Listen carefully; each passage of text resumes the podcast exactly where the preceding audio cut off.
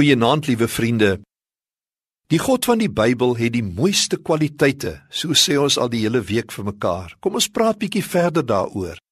Die nabyheid van God moet sekerlik een van die mees geseënde aspekte wees van die wese van God wat aan ons in die Bybel bekend gemaak word.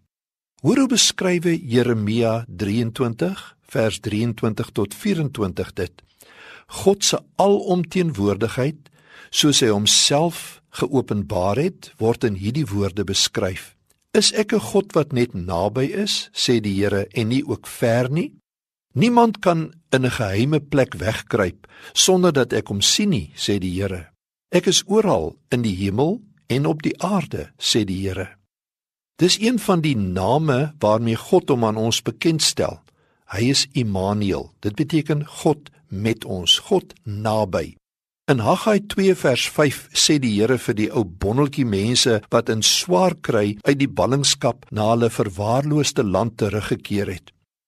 My belofte wat ek met die uittog uit Egipte aan julle gemaak het, sal ek nakom. My gees sal altyd by julle bly, moenie bang wees nie. En hoor hoe preek Paulus op die Areopagus in Athene, Handelinge 17 vers 26 tot 28. Uit een mens het hy al die nasies gemaak. Hy het hulle gemaak om oor die hele aarde te woon. Hy het bepaal hoe lank hulle sal bestaan en waar hulle sal woon. God het hulle gemaak om hom te soek.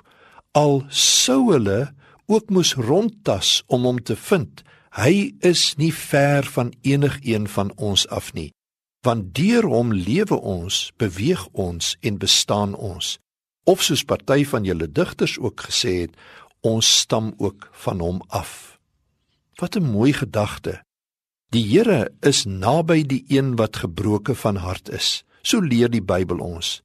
Naby jou is die woord in jou hart en in jou mond, leer die Bybel ons. God is naby jou vandag. Soos die vrou wat haar hand uitgesteek het en die soem van Jesus se kleed aangeraak het, so naby is hy aan jou. Steek jou hand nou uit na hom en fluister Jesus. Jesus.